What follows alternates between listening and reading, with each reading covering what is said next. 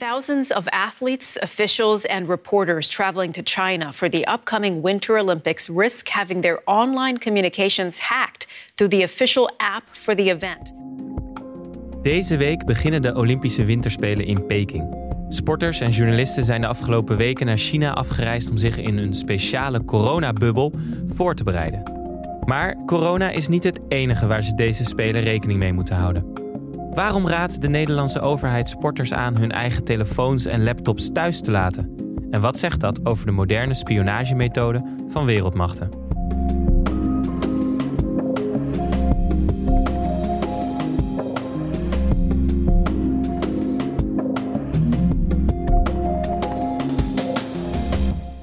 Welkom bij de podcast Wereldmachten.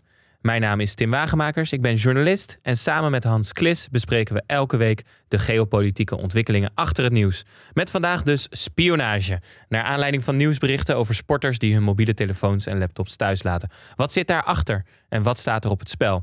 Daar gaan we het over hebben vandaag. Hoi Hans, fijn dat je er, ja, ik wou zeggen bent, maar je zit weer, uh, je zit nog steeds in quarantaine hè? Ja, ja, ja de, uh mijn, uh, mijn oudste zoon is uh, besmet met corona, dus uh, we zitten weer binnen. Ja, ik dus, wilde een grapje maken dat iedereen nu mee kan luisteren met deze afleveringen. misschien doen mensen dat ondertussen wel, maar ja, we publiceren altijd gewoon wat we opnemen. Dus op zich is daar niet ja. zo heel veel te halen momenteel, denk ik. Um, vorige week hadden wij het over um, Amerika en over belangrijke abortuswetgeving die op het spel stond. En toen na de aflevering gebeurden er grote dingen. Kun je ons heel kort even updaten? Nou, net na de uitzending, nou, dat was net na het opnemen van de, van de aflevering, toen kondigde een van de leden van het Amerikaanse Hoge Rechtshof, uh, Stephen Breyer, uh, aan dat hij uh, wil aftreden. En dus dat president Joe Biden dit jaar een nieuwe, nieuwe hoge rechter mag aanwijzen. Ja. Dat is heel fijn voor Joe Biden, want dat, ja, kan, kan hij een, een, ja, een, een, een stem op het, op het gerechtshof zetten die, die wat liberaler is dan dan de rest misschien. Ja, ja uh, hij is al aangekondigd om een, uh, een, een, zwarte vrouw uh, aan te wijzen om Stephen Breyer na 30 jaar op te volgen. Ja, ja, dat is, dus een, dat is dus een interessant moment voor een president om te kunnen kiezen. Um, dus dus dat, dat kan de verhouding weer iets veranderen, waardoor ja, je die wetgeving misschien toch in de huidige vorm behouden blijft. Of in ieder geval, daar, daar, daar spelen nu dingen. Andere dingen deze week is, want ja, podcast Wereldmacht, als je wat langer bezig bent nu, we hebben nu ongeveer tien afleveringen, dan gaan er lijntjes lopen. Uh, spannende week, want uh, Rutte gaat naar Kiev toe. Hè, want, want, want het conflict rond Rusland-Oekraïne, die overigens vrijdag tegenover elkaar staan op het EK voedsel. Side note. Uh, um, um, wat gaat hij doen daar? Ja, hij gaat uh, ja, min of meer zijn steun eigenlijk betuigen uh, aan, aan uh, premier Zelensky. en ja, eigenlijk zeggen van ja, we staan een beetje in jullie hoek. je kunt, wij gaan jullie steunen. En ja, als ik het NRC-bericht van vandaag uh, mag geloven, komt hij daar met uh, beloftes voor scherfvesten en allerlei andere kleine dingetjes eigenlijk. Uh, geen raketten zoals bijvoorbeeld de, de Britten. Maar ja, hij komt daar wel met, niet met lege handen in ieder geval. Ja. Dat, hebben we eerder zien gebeuren. Hè? Toen stond Hans van Balen en, en andere Europarlementariërs stonden op het Maidanplein in 2015 met ook grote beloftes. Uiteindelijk kwam daar dan voor de Oekraïners niet zoveel van waar. Misschien dat hij daarom ook maar scherfvesten heeft gezegd en nog niet ontzettend veel meer. Uh, on the promise, over deliver. Ja, het is een beetje zoals bij de Olympische Spelen. Gewoon eh, er zijn is eigenlijk al winnen, eigenlijk. Nou, mooi bruggetje Hans, uitstekend. um, en want wat gaan we doen vandaag? We gaan het dus hebben over spionage en Olympische sporters die daarop gewezen zijn. Dat zij daar uh, ja, op moeten letten en hun telefoons niet mee moeten nemen. En we gaan eigenlijk iets breder trekken wat dat zegt over de staat van spionage door wereldmachten. Wat is nou de, waarom is het naast de nieuwsberichten over een goed moment om het hierover te hebben? Begin uh, januari zagen we allerlei berichten naar buiten komen over hoe de NOC-NSF, dus de, de, de, Nederlandse sportorganisatie, um, atleten aanraden om hun telefoons en laptops eigenlijk thuis te laten. Dat hadden ze gedaan, dat, dat advies gaven ze nadat ze met de AIVD hadden gesproken en de uh, Nationale Terrorismecoördinator. Want uh, atleten lopen dus het gevaar, kennelijk, uh, dat zij uh, bespioneerd worden, dat in hun computers wordt ingebroken om allerlei informatie ja, op te duikelen, te verzamelen van ze. En dat is, ja, dat is nu China, maar dat, in, in sorry, dit gaat dan nu over China, maar in de afgelopen jaren zien we heel veel van dit soort berichten eigenlijk, uh, eigenlijk dagelijks voorbij komen. Van informatie die gestolen wordt, mensen die bespioneerd worden. Dus het is eigenlijk een, ja, het is een heel groot uh, probleem van deze tijd eigenlijk. Ja, en waarom is het een groot probleem? Want waarom zouden ze geïnteresseerd zijn in wat sporters aan informatie op hun laptops hebben staan. Ik bedoel, ik zag de berichten ook, maar ik had er allemaal vragen bij. Want blijkbaar moet je er toch dus fysiek zijn. Um, mm Terwijl ik dacht, uh, de Chinese overheid kan ook in mijn telefoon hier kijken. En waarom zouden ze geïnteresseerd zijn in die Olympische sporters? Ze, ze zouden bijvoorbeeld uh, wachtwoorden en inlog, uh, gebruikersnamen en wachtwoorden kunnen verzamelen. En we zagen al bij de Olympische Spelen in, in Rio in 2016 dat daar Russische spionnen aanwezig waren die uh, inloggegevens van bijvoorbeeld uh, mensen van het IOC aan het verzamelen waren. Om zo stapje voor stapje dichter bij medische dossiers te komen van uh, atleten. Om die te lekken naar de media. En, want die Russische spionnen waren daar omdat, eigenlijk omdat ze ja, eigenlijk dirt aan het verzamelen waren omdat ja, Rusland een gigantisch dopingschandaal had uh, uh, veroorzaakt. En ja, ze wil daar een soort van desinformatiecampagne over voeren. Ja, en informatie is in die zin macht. Het is voor jou ook geen onbekend onderwerp, hè? Want jij hebt een serie gemaakt voor Storytel, gehackt. Een podcastserie. Um, vielen de schellen van je ogen toen je daarmee bezig was eigenlijk? Want we weten allemaal dat er hacks plaatsvinden. Maar als je dan in die wereld duikt, is het nog groter dan je dacht? Ja, het is een gigantische wereld van, van, van criminelen en, en spionagediensten die eigenlijk ja, continu eigenlijk aan het vechten zijn en dingen aan het kraken zijn. En ik bedoel, ik, heb, ik, kwam achter een, een Russische um, criminele bende die pinautomaten geld lieten uitspuwen bijvoorbeeld. Dat zijn allemaal van die dingen die je niet voor mogelijk houdt eigenlijk. Maar ja, uh, het is zo'n grote wereld die we niet zien, uh, die zo gevaarlijk is. Ja, ja, pinautomaat die geld uitspuwen. Als je daar toevallig langs liep, dus dan viel er 100, uh, 100 dollar op, straat. Nou ja, waarschijnlijk hadden ze iemand neergezet op dat moment om het ook op te rapen. Ja, hoop ik dan voor hun. Dat is ook echt gebeurd, ja, inderdaad. Ja, ja. We, we, gaan, we, we, gaan daar dieper op in. Maar we hebben ook iemand bij ons die ons kan vertellen, eigenlijk die sporters, als ze aankomen in China.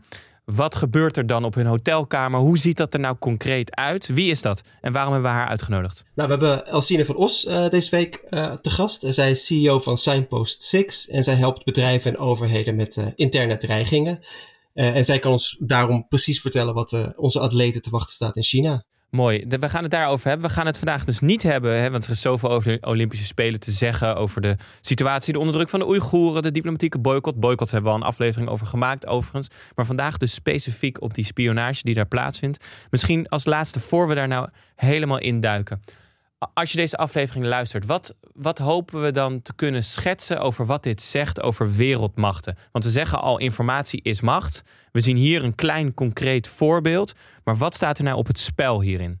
Op het spel staat uh, je persoonlijke vrijheid. Uh, om jezelf te zijn en om jezelf te kunnen uitdrukken. En, en het is dus, eigenlijk is de boodschap is voor, denk ik aan de luisteraar om te realiseren dat niet langer alleen maar politici en, en beroemdheden bespioneerd worden, maar dat iedere normale persoon, wat je ook doet, of je nu dus uh, premier bent of gewoon een atleet, dat, ja, dat je het gevaar loopt dat al jouw informatie gewoon te grabbel wordt ja. gegooid eigenlijk. Het is wel interessant hè, want eigenlijk die Olympische Spelen, als we wat meer in de achtergrond duiken, die zijn best een belangrijke plek als je het verhaal van spionage uh, en de wereld wil vertellen. Want uh, nou ja, het uitgangspunt is natuurlijk alle landen van de wereld zoveel mogelijk zijn daar. Dus er komt ontzettend veel samen. Maar kun je iets meer vertellen over wat je gevonden hebt in de artikelen die je gelezen hebt over de Olympische Spelen als plek voor spionage? Want het is niet de eerste keer. Nee, ik ben er dus ingedoken en ik kwam een heel leuk artikel tegen van uh, The Guardian. Uh, Olympic Espionage heet het. En die laat eigenlijk zien wat voor rol spionage speelt in de Olympische Spelen. Want zoals je zegt, er komen honderden politici, er komen beroemdheden, er komen atleten. Uh, dus het is een plek waar heel veel mensen zijn, waar heel veel te halen valt eigenlijk. Waar je ook heel erg uh, ja, het ene land beter kan laten uh, shinen dan het andere. En in het artikel van The Guardian komt eigenlijk een, een operatie van de CIA naar voren in 1960 in Rome, waar een Amerikaanse sprinter, Dave Syme, door de CIA wordt ingezet om contact te leggen met Oekraïners in, in de Sovjet-delegatie. Om met behulp van een bisschop in het Vaticaan, uh, een oud SS'er en uh, Oekraïense nationalisten eigenlijk een soort van de zaadjes te planten voor ja, een verzetsbeweging binnen de Oekraïne tegen Moskou. en het, ja, het leest ook echt als een John le Carré verhaal. Ja, alleen, Alleen, het, uh, het, is ook meteen een soort van klucht, want uh, ze bakken er helemaal niks van. Want uh, uiteindelijk ehm, wil niemand met ze praten. en degene die met ze praten willen eigenlijk helemaal niet overlopen naar het westen. ook omdat de KGB ook in Rome is en iedereen achtervolgt en in de gaten houdt. Ja, dat bevestigt een beetje het beeld van de oude spionage die ik heb. Hè. Er moet iemand fysiek met iemand gaan praten in een regenjas of in een café. Nou, in dit geval in een hardlopen-outfit dan misschien. om ja. achter informatie te komen. Maar heb je ook voorbeelden gevonden van waarop de Olympische Spelen echt op ja, bijna systematische schaal uh, bespioneerd wordt of waar uh, inlichtingendiensten aanwezig zijn? Nou ja, eigenlijk de hele, tijdens de hele Koude Oorlog eh, is er gewoon, vindt er spionage plaats. Uh, in 56 in, in, in, in Melbourne worden daadwerkelijk ook echt Hongaarse atleten zover gekregen om over te lopen naar het westen. Maar als je na, die, uh, naar de Koude Oorlog kijkt, dan zie je dat eigenlijk steeds meer met andere zaken te maken heeft. Niet meer met overlopers of zo, maar bijvoorbeeld met terrorisme in Rio. In 2016 zijn daar duizenden inlichtingendiensten, nou nee, duizenden agenten van uh, internationale inlichtingendiensten aanwezig, duizend van uh, de CIA bijvoorbeeld, uh, om daar ja, eigenlijk terroristische aanslagen te voorkomen.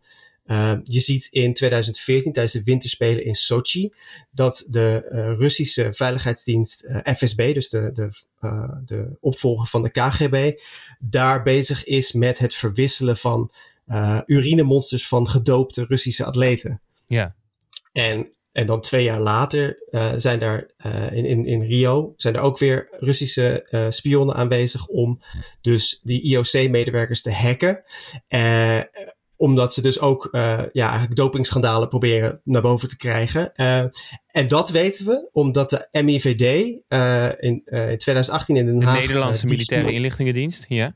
Ja, die spionnen oppakt omdat ze hier in Nederland aan het spioneren zijn. Op de OPCB, dus de organisatie die uh, het verbod op uh, chemische wapens hand, handhaaft. Ja, zit in Den Haag, hè? Ja. En het grappige is dat we dus weten dat die, die twee agenten uit Rusland daar in Rio waren, is omdat ze in, op de in beslag genomen computers en telefoons hebben ze allerlei vakantiekietjes. Waar ze ook bijvoorbeeld poseren met Russische atleten in Rio. oh, die zouden niet door een functioneringsgesprek komen in Rusland, denk ik. Die hebben gewoon hun werk heel slecht gedaan. Klunzig. Ja. Ja, maar, maar, maar is het dan zo dat die Olympische Spelen, die, die lijken ook een beetje een. Um, want, want, want de techniek is verbeterd. Tegelijkertijd moet je nog steeds op een uh, diplomatiek paspoort of zo uh, een land binnenkomen. Maar op de Olympische Spelen heb je natuurlijk een vrijbrief als land om hele delegaties te sturen. Uh, veel makkelijker. Ja. Is dat ook een van de redenen waarom het zoveel op de Olympische Spelen gebeurt? Want kijk, ik kan me voorstellen, jij zegt er waren allemaal inlichtingendiensten aanwezig in Rio om terrorisme te voorkomen. Ja, lijkt mij dat je als land niet wil dat andere inlichtingendiensten zich bezighouden met de veiligheid van jouw land, toch? Nee, nee ja, in dit geval uh, denkt uh, Brazilië heeft warme banden natuurlijk met Amerika. En ja, dat, die, die, die, die, die trekken samen op. dicht. Ja, precies. En ja, niet ieder land kan het. Ik bedoel, Mexico uh, roept ook heel vaak de hulp in van, van uh, Amerika om bijvoorbeeld die drugskartels te bestrijden. Uh, je kunt het niet allemaal zelf. Nee. Het is gewoon zo. Ja, en dan is het makkelijker via spionnen dan een officiële brief, want dan weet iedereen ook weer wie er rondloopt. Ja, precies. Ja, ja. En, en, en als we dat nou iets breder trekken naar de staat van spionage wereldwijd, hè, dan, dan ik, ik, kijk, spionage kan je doen om je veiligheid in eigen land Zeg maar, je, je kan het volgens mij defensief inzetten. Dan zeg je, we willen graag inlichtingen hebben, zodat we weten wat de anderen van plan zijn. Maar ik heb het idee dat als je nu kijkt naar de aard van spionage, dan is het niet meer James Bond die een uh, complot op Engeland probeert te voorkomen. Of tenminste, misschien gebeurt het ook wel, maar zie ik dat gewoon niet. Maar ook heel erg proactief het ophalen van informatie om ergens een voorsprong te behalen. Kun je mij vertellen wie daar nu de grootste actoren in zijn en wat zij dan willen? Je hebt het over ding, dingen binnenhalen bijvoorbeeld. Dat is China. China is, wordt al jarenlang beschuldigd ervan om uh, bedrijfsgeheimen te stelen uh, via spionage. En, maar je hebt natuurlijk ook, uh, ja, bedoel, we moeten natuurlijk niet vergeten Amerika. Amerika is een van de grote spionagespelers. in 2013 met de onthullingen van Edward Snowden waarschijnlijk een bekende naam bij de luisteraar, maar deze, deze, uh, dit is een techneut die bij de NSC werkt en met documenten naar buiten komt waaruit blijkt dat uh, de, ja, Amerika eigenlijk uh, miljoenen Amerikanen bespioneert, bijna zonder, zonder enige tegenwerking van, van het bedrijfsleven. En dat ze ook bijvoorbeeld de telefoons afluisteren van, van regeringsleiders zoals Angela Merkel. Uh, en, ja, dat is een groot schandaal natuurlijk geweest. Maar Amerika is een gigantische speler in de wereld van spionage. Maar je hebt ook bijvoorbeeld um, uh, Israël. De afgelopen jaren is heel erg duidelijk geworden wat voor grote speler Israël eigenlijk is op het wereldtoneel. Um, onlangs uh, werd in Polen eigenlijk bekend dat daar oppositiefiguren gevolgd werden met een bepaalde ja, surveillance software, heet Pegasus. Uh, die, die moeiteloos inbreekt op, op telefoons en computers. En uh, ja, het wordt het Poolse Watergate genoemd. Dus het zijn verschillende uh, oppositiefiguren ehm, die campagneleider waren. dat soort dingen die allemaal bespioneerd werden, afgeluisterd werden met die, met die, met die software. Maar wat is dan het... kijk, dat Poolse Watergate, dat, dat, dat snap ik. Dat kan ik me goed een beeld bij maken. Want je wil informatie over de oppositie. om uh, desinformatiecampagnes te kunnen opstarten. Dat snap ik. Um, maar landen werken ook weer samen met inlichtingendiensten. Wat is nou, als je vanuit hun perspectief kijkt. de grootste uh, dreiging die zij op het wereldtoneel proberen af te wenden? of het grootste gemeenschappelijke belang? Is dat. Hebben we een soort spionage, red race? Of is het toch die angst voor terrorisme bijvoorbeeld, die nog steeds de boventoon voert? Heb je daar iets over kunnen vinden in alles wat je gelezen hebt? Als je kijkt naar dit soort uh, cyberspionage, eigenlijk is er geen verschil tussen defensief en, en uh, ja, uh, offensieve spionage. Want alles wat je doet, is in, ik bedoel, als je in systemen komt, is dat dan eigenlijk offensief. Natuurlijk als jij, ja. maar dat is voor een defensief doeleind. Maar ja, je ziet heel erg dat bijvoorbeeld bij autoritaire regimes, dat het heel erg gebruikt wordt onder het mom vaak van terrorismebestrijding om burgers, dissidenten, journalisten in de gaten te houden. Je hebt bijvoorbeeld een, de, dus een zaak in de Verenigde Arabische Emiraten uh, van een, een spionageoperatie uh, genaamd uh, Project Raven, waar ex-NSC, Amerikaanse oud-spionnen worden ingezet om gewoon om op journalisten en op burgers en later zelfs op gewoon Amerikaanse burgers te spioneren in het, onder het mom van terrorismebestrijding. Wie controleert eigenlijk de regels? Van wat mag en wat niet. Ik bedoel, het mag natuurlijk niet. Ik bedoel, je mag niet zomaar hacken. Tegelijkertijd is het ook een soort internationaal gedoogbeleid. Ik bedoel, iedereen weet dat de, de diplomaten die op de consulaten zitten niet allemaal diplomaat zijn. En ook soms nog wat andere dingen doen. Iedereen weet ook dat er aanvallen plaatsvinden. Op, uh, en, en als je iemand betrapt, dan wordt hij opgepakt. Maar het lijkt ook van ja, als we het nou te streng zeg maar, proberen te. dan mogen we zelf ook niet meer. Of hoe zie je dat? Nou ja, ieder land heeft het recht om zichzelf te beschermen tegen dreigingen van buiten. En dat is wat spionage beoogt, om een land te beschermen. Dus eigenlijk iedereen uh, mag spioneren volgens, volgens eigenlijk de internationale wetgeving. Alleen op het moment dat de spion betrapt wordt, dan mag je hem ja, het land uitsturen of uh, dan mag je er wat tegen doen eigenlijk. Ja, ik vind het toch een bizar. Het is toch ook een beetje als lasergamen. Zo van, ja, je mag eigenlijk iemand niet neers... Maar pas als we je betrappen of zo, als je je niet aan het spel... dan ga je uit het spel. Maar we zijn niet echt boos. Want we snappen ook wel hoe het werkt. Ja, en, en, en afgelopen jaren, en dat vind ik wel een goed punt om te maken... Uh, is, uh, zie je dat spionage en spionagemogelijkheden ook heel erg gebruikt worden als geopolitiek uh, middel, drukmiddel zelfs. Ik had het over die de Israëlische software, die Pegasus... Ehm, in de New York Times verscheen eind januari een mooi artikel. The Battle for the World's Most Powerful Cyber Weapon. Het gaat over al die overheden die Pegasus willen gebruiken of hebben gebruikt. Uh, en eigenlijk hoe Israël, uh, die, de Israëlische overheid geeft een soort van licentie uit elke keer als, als dat programma uh, verkocht wordt als het ware. en hoe, hoe die, die licenties heeft, hoe het land het licenties heeft gebruikt om bijvoorbeeld uh, stemmen in de Veiligheidsraad of stemmen in de, ah. de, Verenigde Naties te winnen eigenlijk door een licentie uit te geven. Bijvoorbeeld in, aan India of Panama. Uh, zodat ze gaan stemmen voor Israël. In, die, in allerlei organisaties. We begonnen deze uitzending met sporters en hun telefoons die ze moeten inleveren richting de Olympische Spelen. En we zijn geëindigd bij het kopen van uh, stemmen in de Veiligheidsraad via een groot programma wat je kan verkopen als land. Volgens mij is het een uh, uitstekende ingang geweest om het brede gesprek te voeren. Maar laten we hem nu nog even terughalen uh, en, en, en verder praten met Elsine van Os over wat die sporters in China nou precies gaat overkomen en waarom China nu op dit moment daar belangen in heeft. Elsine van Os.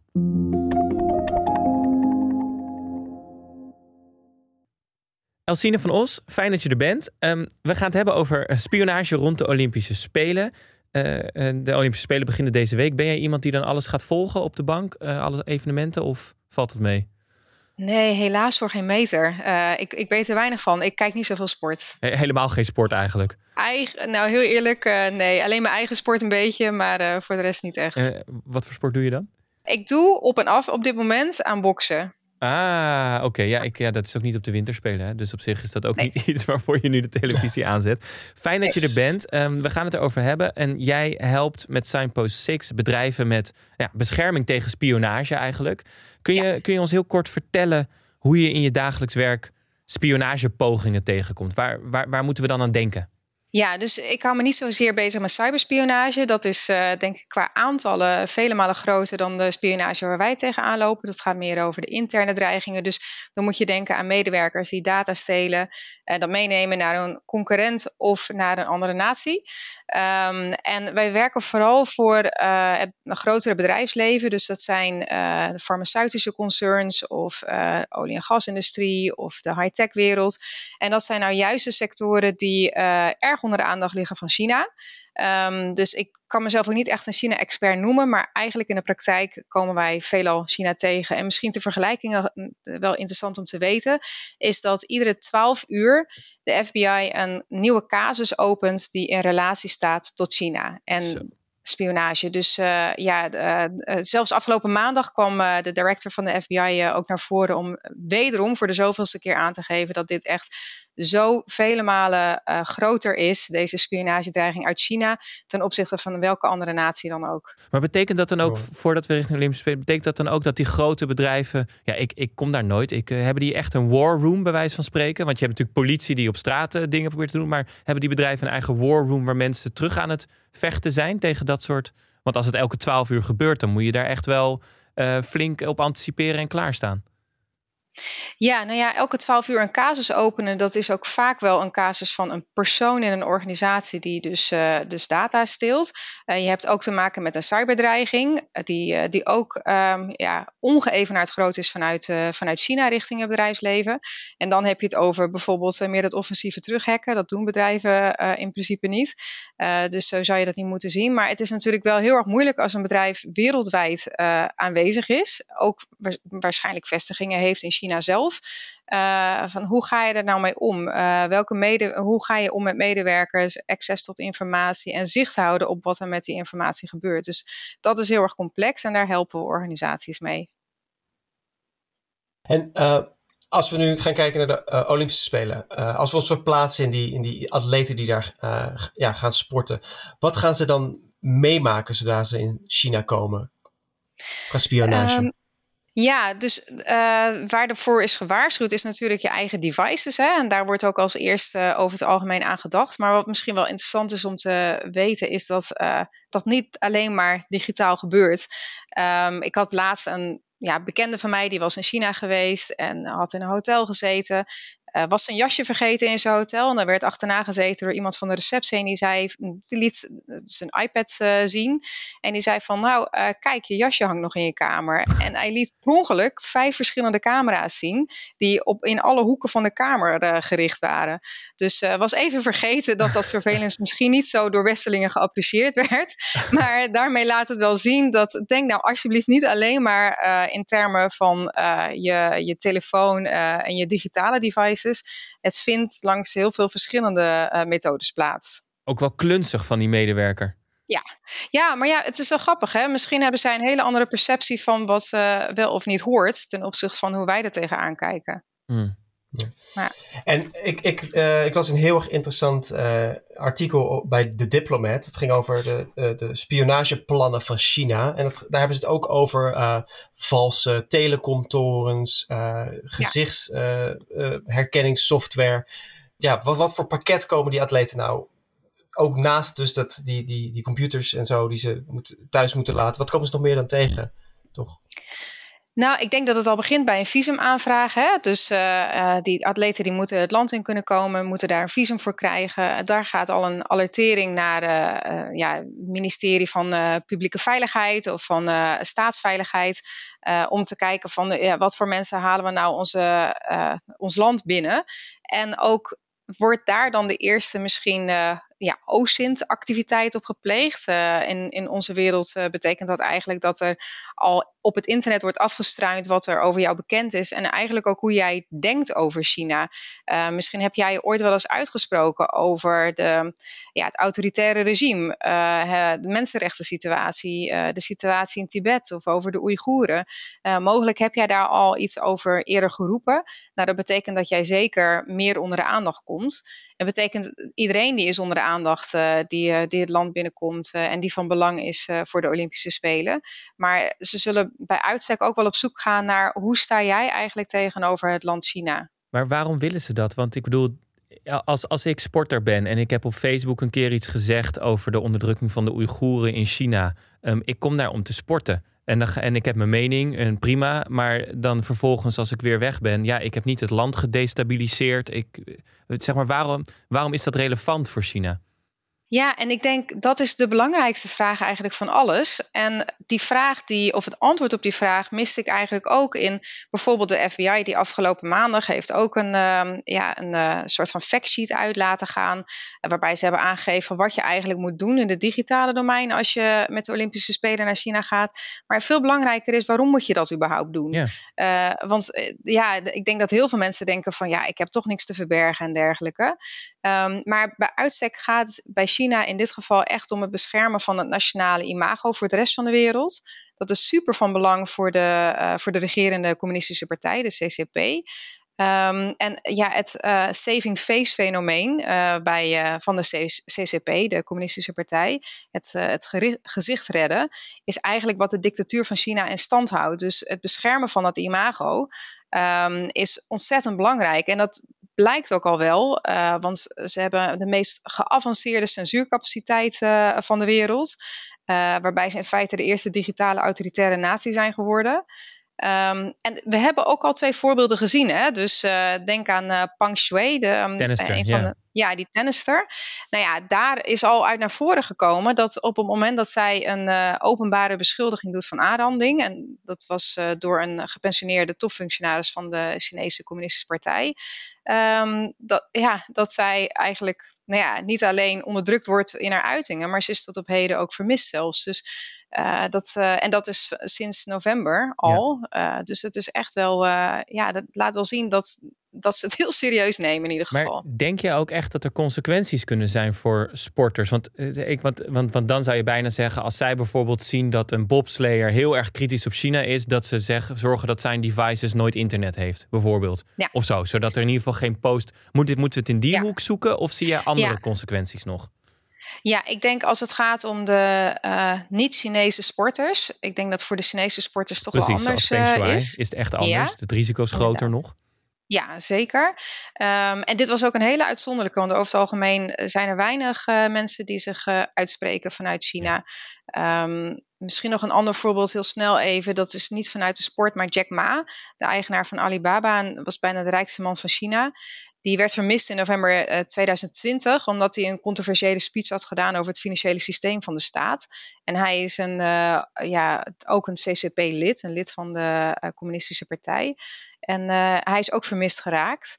En hij is nu wel weer zichtbaar na een aantal maanden, maar hij heeft een alleen maar low profile gehouden sindsdien. Dus het heeft echt mega impact, in ieder geval ja. voor Chinezen en zelf. En voor die niet-Chinese sporters, om daar toch nog op terug te komen?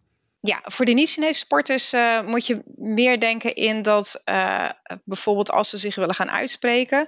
En een van de belangrijkere momenten is bijvoorbeeld als een van de niet-Chinese sporters op het podium staat en een speech gaat houden. Nou, van tevoren is al informatie verzameld natuurlijk over die sporter en wat die mogelijk zou kunnen zeggen. Uh, maar zo'n moment op het podium is natuurlijk ook een moment om je uit te spreken over wat jij mogelijk zou kunnen vinden van de Chinese staat. Nou, dat betekent dat ze um, aangezien ze dus echt wel alles wat naar buiten komt onder controle houden, uh, dat het kan zijn dat uh, stukken gewoon niet naar buiten worden gebracht. Uh, um, ja, dat, dat verbindingen niet, niet werken en dergelijke. Dus dat daar echt controle en ook, um, ja, niet alleen controle, maar ook interventies op worden gepleegd. Het is een beetje zoals bij streakers, hè? dat je heel vaak dat ze de camera wegdraaien als er iemand het veld oprent. Of, en er is natuurlijk een vertraging van een paar seconden. Dus je hebt ook misschien ja. nog een soort timeframe om dat, ja, ja, interessant. Had ik niet eens aan gedacht, joh. Ja. Ja. Dus de Chinese staat bespioneert dus de atleten die daar zijn voor de Olympische Spelen eigenlijk. En doen, doen ze dit ook met hulp van het bedrijfsleven? Want ik bedoel, de Olympische Spelen is één groot natuurlijk bedrijvenfestijn ook. Uh, ja. Ja, nee, dat klopt. Uh, ja, Peking heeft uh, beloofd dat alle Olympische spelers goede internet internettoegang hebben op de officiële locaties en hotels. Dus zodat ze de Great Firewall kunnen omzeilen en, en toegang kunnen krijgen tot websites die in China verboden zijn het is ook wel, ook wel even belangrijk om bij stil te staan dat, dat die Great Firewall er is. En dat dat dus ingericht moet worden voor die internationale sporters in dit geval. Um, maar die toegang zal zeker worden gecontroleerd. En de uh, deelnemende bedrijven die, die communicatie- en netwerkondersteuning bieden, dat zijn de alom bekende uh, Huawei, Technologies en andere bedrijven die nauw samenwerken weer met het Chinese ministerie van Openbare Veiligheid. Um, nou ja, en bijvoorbeeld de Huawei die staat op de Amerikaanse exportcontrolelijst. Um, en ja, is al eerder beschuldigd geweest van commerciële spionage. Nou, daar is natuurlijk ook in Nederland ook heel veel uh, discussie over ja. geweest en nog steeds. Um, ja, en Huawei ga ik zeker van uit, zal uh, ook absoluut de belangen van de, belangen van de Chinese staat uh, dienen als dat nodig zou zijn. Ja. Zijn wij te naïef als we het mogen concluderen, want als jij het omschrijft, dan is er een enorm netwerk en een enorme kracht eigenlijk die uitgaat van China en hun spionagetactieken. Ja, ja we zijn ontzettend naïef. Uh, uh, en ik denk dat ze heel veel grotere bedrijven, nou ja, nu wel al lang een wake-up call hebben gehad.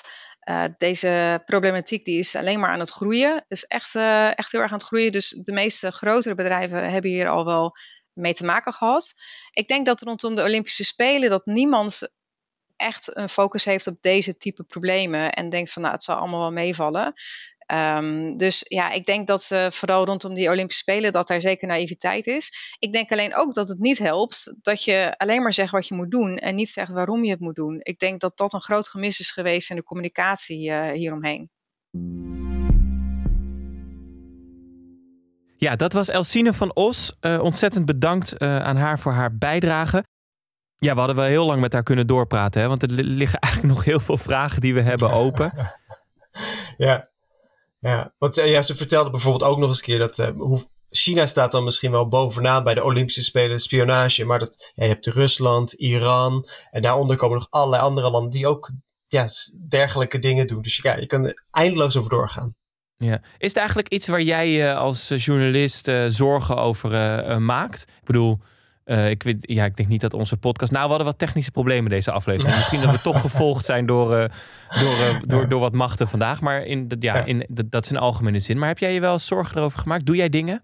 Ja, ja nee. het begon denk ik, uh, drie jaar geleden. Toen werkte ik bij BNN-Vara en toen uh, waren we, doken we in de, in de uh, Jamal Khashoggi-zaak. Dus die Saudische journalist die in Turkije in 2018, herinner ik me, werd vermoord.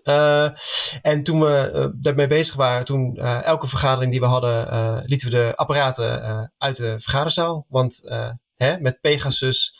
ben je, zijn, wordt alles een afluisterapparaat. En met maken van mijn eigen serie over gehackt ja, ben, ben ik me wel beter gaan beveiligen eigenlijk. Uh, ja. Met allerlei paswoordmanagers en dat soort dingen. Ja, ik doe het eigenlijk heel slecht. Maar ik kan me wel herinneren dat we bij de Bali, waar ik werkte, uh, debatten rond het Oekraïne-referendum deden. En dat de site er best wel vaak uit lag. En dat je aan de achterkant kon zien dat er altijd rond die debatten heel veel Russische activiteit was richting de website. Ja, um, dus, dus nou ja, dat is ook een veeg teken, denk ik dan. Uh, maar ja, ik, ik, ik, ik moet me beter gaan beschermen. Maar volgens mij heb jij een handleiding, toch? Hoe je dat moet doen met de buitenlandredactie een keer gemaakt. Misschien moeten we die op onze vriend van de show zetten. Ja, ja dat zijn negen tips om je veiliger te, te maken online. Ja, dus dat uh, die, die zetten we in de show notes. Oh, ik dacht je ging zeggen om je veiliger te wanen. Maar echt om je ook veiliger te maken. Ja, ja, ja. Oké, nou heel goed. Um, kijk je eigenlijk een beetje uit naar de Olympische Spelen? Ben jij iemand die het volgt? Uh, nou ja, ik, ik, ik ben niet zo'n zo sportkijker. Dus uh, het is voor mij heel makkelijk om de Olympische Spelen te boycotten dit jaar. Ja, ja voor mij is dat lastiger. Ik, uh, ik, ja. ik merk altijd dat ik er zo in groei. Ik vind altijd uh, skeleton heel leuk. Dat ze op zo'n heel klein plankje ja. snoeihard eraf gaan. En dat je denkt, waar haal je die doodsangst vandaan? Waarom zou je in godsnaam dat doen? en het is ook zo'n heerlijk behang op de achtergrond. Dus nou ja, ik ga ja. wel kijken. Maar toch met een iets, met een iets andere blik. Um, ja. We gaan hem afronden, Hans. Heb jij nog uh, deze week dingen gezien voor onze geopolitieke shout-out... waarvan je denkt, dat wil ik toch nog even noemen?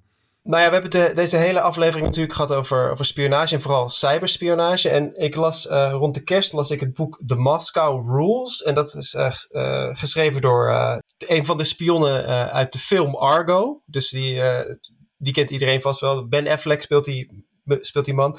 Maar het gaat eigenlijk over hoe de CIA heel simpelweg in Moskou tijdens de Koude Oorlog leerde spioneren. Want het, uh, en tot van opblaas, opblaaspoppen in auto's, dat soort dingen eigenlijk. Het is heel erg grappig, heel erg low-key en geen, ja, niet high-tech. Opblaaspoppen in auto's? Ja, zodat uh, bijvoorbeeld uh, dat de spion de auto uit kon vluchten om dan bijvoorbeeld een informant te ontmoeten zonder dat de KGB, die natuurlijk iedere CIA-agent achtervolgde, eigenlijk het merkte dat hij uit de auto was gesprongen.